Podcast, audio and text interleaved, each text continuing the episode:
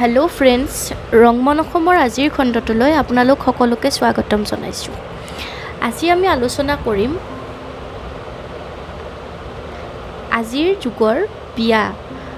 বিয়া কি হয় বিয়া কেনেকুৱা বান্ধোন হয় আমি সকলোৱে জানো। সেই বিষয়ে ইমান ক'বলৈ নাযাওঁ কিন্তু মোৰ নিজৰ ব্যক্তিগত অভিজ্ঞতা বা যি দেখিছোঁ এতিয়া বিয়াক লৈ হোৱা যিটো এটা ট্ৰেণ্ড চলিছে সেই বিষয়ে আমি কিছু কথা আলোচনা বিয়া বুলি কওঁতে বিয়াৰ যিখিনি হোম যজ্ঞ হয় অতিথি আপ্যায়ন হয় বা দুটা আত্মাৰ যি মিলন হয় বিবাহত সেইখিনি দুখন ঘৰৰ যি মিলন হয় সেইখিনিক বাদেও আজিকালি বিয়াত বাহ্যিকতাৰ ৰহণটো অলপ বেছিকৈ দেখা পোৱা যায়। তথাপি এই কৰোণাৰ সময়ত আকৌ যেন আমি অৰিজিন যিটো আমাৰ বিয়াৰ ৰিচুৱেলবোৰ আছিল সেইবোৰলৈ যেন ঘূৰি গৈছোঁ তেনেকুৱা উপলব্ধি হৈছে। এনেকুৱা লাগে বিয়া বুলি ক'লে বিয়াৰ হোম যজ্ঞখিনিতকৈও designer dress makeup artist D J night mehndi এইবোৰৰ ওপৰত যেন বেছি গুৰুত্ব দিয়া দেখা যায়। ফটোশ্বুট কি কৰিলে ভাল হ'ব কি নকৰিলে কি পিন্ধিম কি নিপিন্ধিম। হয় নতুন কইনা বুলি চবৰে এটা এক্সাইটমেণ্ট নিশ্চয় থাকে নতুন জীৱন এটাৰ কাৰণে।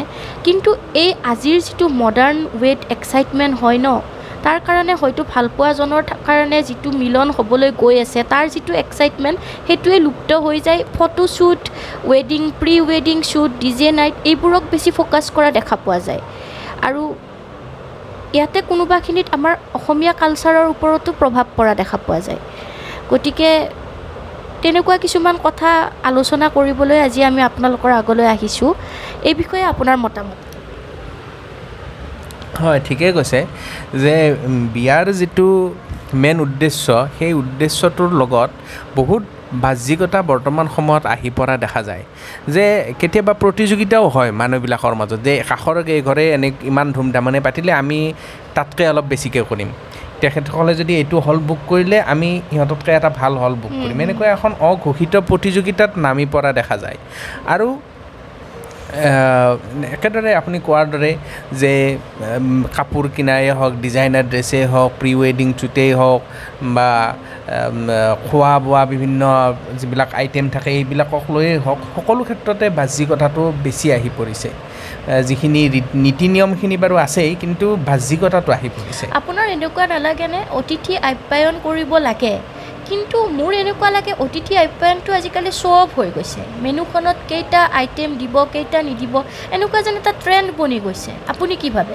হয় এই সঁচাকৈ এইটো এটা ট্ৰেণ্ড বনি গৈছে। এইটো যিটো মই ইমান সুস্থ বাতাৱৰণ বুলি নাভাবোঁ। এইটো হোৱাৰ ফলত অসুবিধাও যথেষ্টখিনি হৈছে।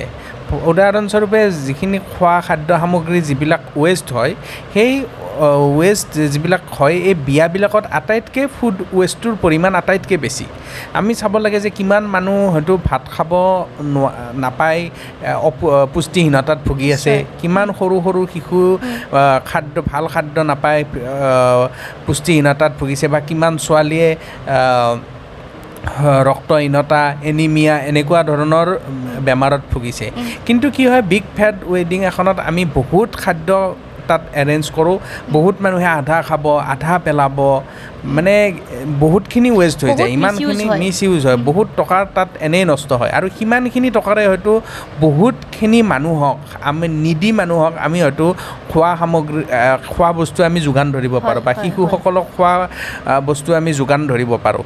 কিন্তু এইবিলাকত ৱেষ্টটো বেছি হয়। আৰু মোৰ এনেকুৱা লাগে যে এনেকুৱা যিটো বিগ ফেট ৱেডিঙৰ এটা কনচেপ্ট ন বৰ্তমান ছ'চাইটিত আমাৰ যিখিনি মানে মাক দেউতাক হয় দৰা কইনাৰ তেওঁলোকৰ ওপৰতো এটা মেণ্টেল প্ৰেছাৰ বহুত পৰে। কাৰণ ছ'চাইটিৰ লগত এটা ক্লাছ মেইনটেইন কৰিবলৈ হয়তো তেওঁলোকে এইখিনি কৰিবলৈ যায় কিন্তু ফাইনেন্সিয়েলি হয়তো তেওঁলোকে সেইখিনি এফৰ্ড কৰিব নোৱাৰিবও পাৰে। গতিকে সেইটো এটা খুব ডাঙৰ বাৰ্ডেন নহয়নে তেওঁলোকৰ কাৰণে? হয় এতিয়া চাওক যেতিয়া সমাজত যেতিয়া এনেকৈ ডাঙৰকৈ বিয়াবিলাক পাতে যেতিয়া এঘৰত ধৰি লওক নিম্ন মধ্যবিত্ত মানুহ তেখেতসকলৰ মনটো যাব যে সেনেকৈ বিয়াখন পাতিবৰ কাৰণে। কিন্তু হয়তো তেখেতসকলে সেইটো সেনেকৈ হয়তো নিজৰ আৰ্থিক সম্বল নাই। তেতিয়া কি হ'ব? বেলেগৰ পৰা হয়তো ধাৰ লোৱা যাব। গতিকে কি হয়? আল্টিমেটলি সমাজৰ আগত খোজ মিলাই চলিবৰ কাৰণে এইবিলাকতে বেছি পইচা পইচা খৰচা কৰি পিছৰ জীৱনটোত মানুহ ঘৰে হয়তো বহুতখিনি আৰ্থিক অনাটনৰ সন্মুখীন হ'বলগীয়া হয়। গতিকে এনেকুৱা হেৰিবিলাক যিবিলাক নিয়ম আছে বাহ্যিকতা যিবিলাক আছে এই বাহ্যিকবিলাক কথাবিলাক মানুহে এতিয়াৰ সময়ত পৰিহাৰ কৰাটো অতিকে জৰুৰী হৈ পৰিছে। কাৰণ আমি দেখাক দেখি কৰিব নালাগে। সিহঁতে কৰিলে মানে যে আমিও কৰিব লাগিব বা আমি কৰিলোঁ কিন্তু বেলেগ কোনোবা এঘৰে কৰিব পৰা নাই কাৰণে সিহঁতক যে আমি বেয়া চকুৰে চাম বা হেৰি কৰিম সেইটো হ'ব নালাগে। যাৰ যিমান আৰ্থিকভাৱে সম্বল আছে সি সেই মানুহঘৰে সিমানখিনিতে থাকক। সেইখিনি সম্বলেৰে তেওঁলোকে কামখিনি কৰক। যাতে বিয়াখন হৈ যোৱাৰ দিনাটো হৈয়ে গ'ল চবৰে ভালেই লাগিল নাচিলে ফূৰ্তি কৰিলে। কিন্তু তাৰ পিছত যাতে মানুহখিনিয়ে আৰ্থিক অনাটনত ভুগিব লগা নহয় এইখিনিৰ ওপৰত চকু দিব লাগে। গতিকে মানে এই বাহ্যিকতাখিনি দূৰ কৰিব লাগে। আৰু মই এটা কথা ভাবোঁ যে বিয়াখনত অকল মানে যিখিনি দুটা মান দুজন ব্যক্তি বা দুটা পৰিয়ালৰ মিলন সেইটো বুলি নহয়। বিয়াখনত আমাৰ সামাজিক যিটো নিয়ম হয় কালচাৰ হয় সেইখিনিও ৰিফ্লেক্ট হয়। গতিকে অসমীয়া সমাজখনৰ কথাই কৈছোঁ যিহেতু আমি অসমীয়া হয়। গতিকে এনেকুৱাতো নাছিল যে অসমীয়া সমাজত কেতিয়াও ডি জে নাইট আছিল কেতিয়াও মেহেন্দি বুলি প্ৰগ্ৰেম এটা আছিল। এনেকুৱা কোনো ধৰণৰ প্ৰগ্ৰেম আমাৰ অসমীয়া সমাজত হয়তো দেখা পোৱা নগৈছিল। হয় কইনাজনীয়ে হাতত জেতুকা লগায় কিন্তু মেহেন্দি বুলি এনেকুৱা নাচ গান কৰাটো এটা মাৰোৱাৰী বা বেলেগ নৰ্থ ইণ্ডিয়াৰ কনচেপ্ট হয়। সেইটো। আমাৰ অসমীয়া কনচেপ্ট নহয়। কিন্তু আজিকালি মেহেন্দি বুলি দেখোন এটা দিনেই লেহেংগা পিন্ধি হয়তো চেলিব্ৰেট কৰে। কিন্তু আমাৰতো মূল কাপোৰযোৰ বিয়াৰ কইনাই মেখেলা চাদৰহে পিন্ধে। লেহেংগাটোতো আমাৰ কোনো ধৰণৰ ট্ৰেডিশ্যন কালচাৰ নাছিলে ন। তাৰোপৰি দেখা পোৱা যায় যে প্ৰি ৱেডিং শ্বুট। প্ৰি ৱেডিং শ্বুট বুলি সেনেকুৱা কোনো যে কৰিবই লাগিব মই নাভাবোঁ যে সেনেকুৱা কিবা এটা আগত আছিল আমাৰ। তাৰোপৰি আৰু দেখা পোৱা যায় এইবিলাক যে আপোনাৰ কি কয় কইনাজনীয়ে লেহেংগাটো মানে আমাৰ পাটৰ কাপোৰটো ফিউজন কৰি লেহেংগা কৰি পিন্ধে। কিন্তু আমাৰতো কইনাজনীয়ে মেইন কাপোৰটো আমাৰ মেখেলা চাদৰহে হয়। কিন্তু সেইটো ফিউজন কৰি লেহেংগা কৰাটোতো সেইটো অসমীয়া সংস্কৃতি নাছিলে। গতিকে এইবোৰে এই মানে কি ক'ম এই মডাৰ্ণ যিটো এটা ট্ৰেণ্ড আহিছে এইটোৱে আমাৰ আছামিজ কালচাৰটোৰ ওপৰতো বহুতখিনি প্ৰভাৱ পেলাইছে। নহয় ঠিকেই কথা কৈছে। এতিয়া চাওক নগৰৰ কথা মই ক'বই নাযাওঁ। এতিয়া গাঁৱতো যদি চাব যায় ভালকৈ অসমীয়া বিয়া নাম এটা জনা আয়তীৰ হয়তো অভাৱ এতিয়া অনুভৱ কৰিব পাৰি বা। আজিকালি নতুন যিখিনি জেনেৰেশ্যনৰ ছোৱালী ওলাইছে বা। ল'ৰা ওলাইছে যুৱক যুৱতী যিখিনি ওলাইছে বহুতেই হয়তো বিয়া নাম এটা ভালকৈ হয়তো গাব হয়তো সম্পূৰ্ণৰূপে নাজানে গতিকে অসমীয়া সংস্কৃতিখিনি যিখিনি আছে সেইখিনি আমি পৰিহাৰ কৰি কিন্তু আমি বাহিৰৰ সংস্কৃতিটোৰ কথা জানো প্ৰি ৱেডিং শ্বুট আজিকালি সকলোৱে গম পায় সকলোৱে বিয়াত প্ৰি ৱেডিং শ্বুটটো কৰিব বিচাৰে চবেই। কৰে কিন্তু আমাৰ অসমৰ যিখিনি নিজা বিয়াৰ যিখিনি পৰম্পৰা আছে এইখিনি কিন্তু বহুতেই তাৰ জ্ঞান হয়তো আজিকালি নাই। আগৰ দিনৰ ককা আইতাসকলৰ আছিল তেখেতসকল বৃদ্ধ হ'ল বা আজিকালি আমাৰ আমাৰ মাজত নাই। কিন্তু এই নিয়ম নীতিবিলাক আৰু আমাৰ পিছৰ জেনেৰেশ্যনটোৱে ভালকৈ নিশিকিলে বা শিকিব চেষ্টাও নকৰিলে। তাৰ ফলত কি হ'ল হেৰাই গ'লে হেৰিবিলাক নীতি নিয়মবিলাক। আৰু যি দেখিছোঁ জোৰোণটো আমাৰ অসমীয়া সভ্যতা মানে অসমীয়া কালচাৰ হয়। পানী তোলা নোৱা ধোৱা। মাহ হালধি দি কইনাজনীক গা ধোৱা। এইখিনি আমাৰ অসমীয়া কালচাৰ হয়। কিন্তু আজিকালি এইবিলাকতকৈও বেছি মানে মই যিটো ক'লোঁ বিয়াৰ আগদিনা বেচেলৰ পাৰ্টি। মেহেন্দি এইবোৰকহে বেছি গুৰুত্ব দিয়া দেখা পোৱা যায়। আৰু এই যিটো হোম যজ্ঞ যিটো দৰা কইনাই হোমক সাক্ষী কৰি এক হয় সেইবোৰৰ মাদকতাটো এইখিনিত ক'ৰবাত হেৰা হেৰাই পেলোৱা যেন অনুভৱ হয় মানে। সেইটোৱে অতীতৰ এই পৰম্পৰাবিলাক আমাৰ অসমীয়া সংস্কৃতিৰ যিবিলাক পৰম্পৰা আছে এইবিলাকতকৈও আজিকালি বাহিৰা যিটো সংস্কৃতি সেইটোৰ প্ৰতি বেছি আকৃষ্ট হোৱা দেখা গৈছে। গতিকে আমি আশা কৰোঁ যাতে আমাৰ অসমীয়া সংস্কৃতিটো যাতে হেৰাই নাযায়। আৰু এনেকুৱা এটা কথা এতিয়া দেখিছোঁ যে যেতিয়াৰ পৰা এই পেণ্ডেমিকটো আহিলে অলপ ৰেষ্ট্ৰিকশ্যন লাগিল। মই দেখিছোঁ যে মানুহে আকৌ আগৰ এটাত মানে অৰিজিনটোলৈ ঘূৰি যাবলৈ ধৰিছে। লকডাউনত বিয়া হোৱা নাই নে। অভিয়াছলি হৈছে। লকডাউনত বিয়া হৈছে। পঞ্চাছটা মানুহ দিনো বিয়া হোৱা নাই নে। আল্টিমেটলি আমাক এটা নেচাৰে কি মেছেজ দিছে? যে আমি আমাৰ অৰিজিনেলিটিটো বিগ ফেট ৱেডিং নহ'লেও মানুহ দুজন বিয়া হ'ব পাৰে।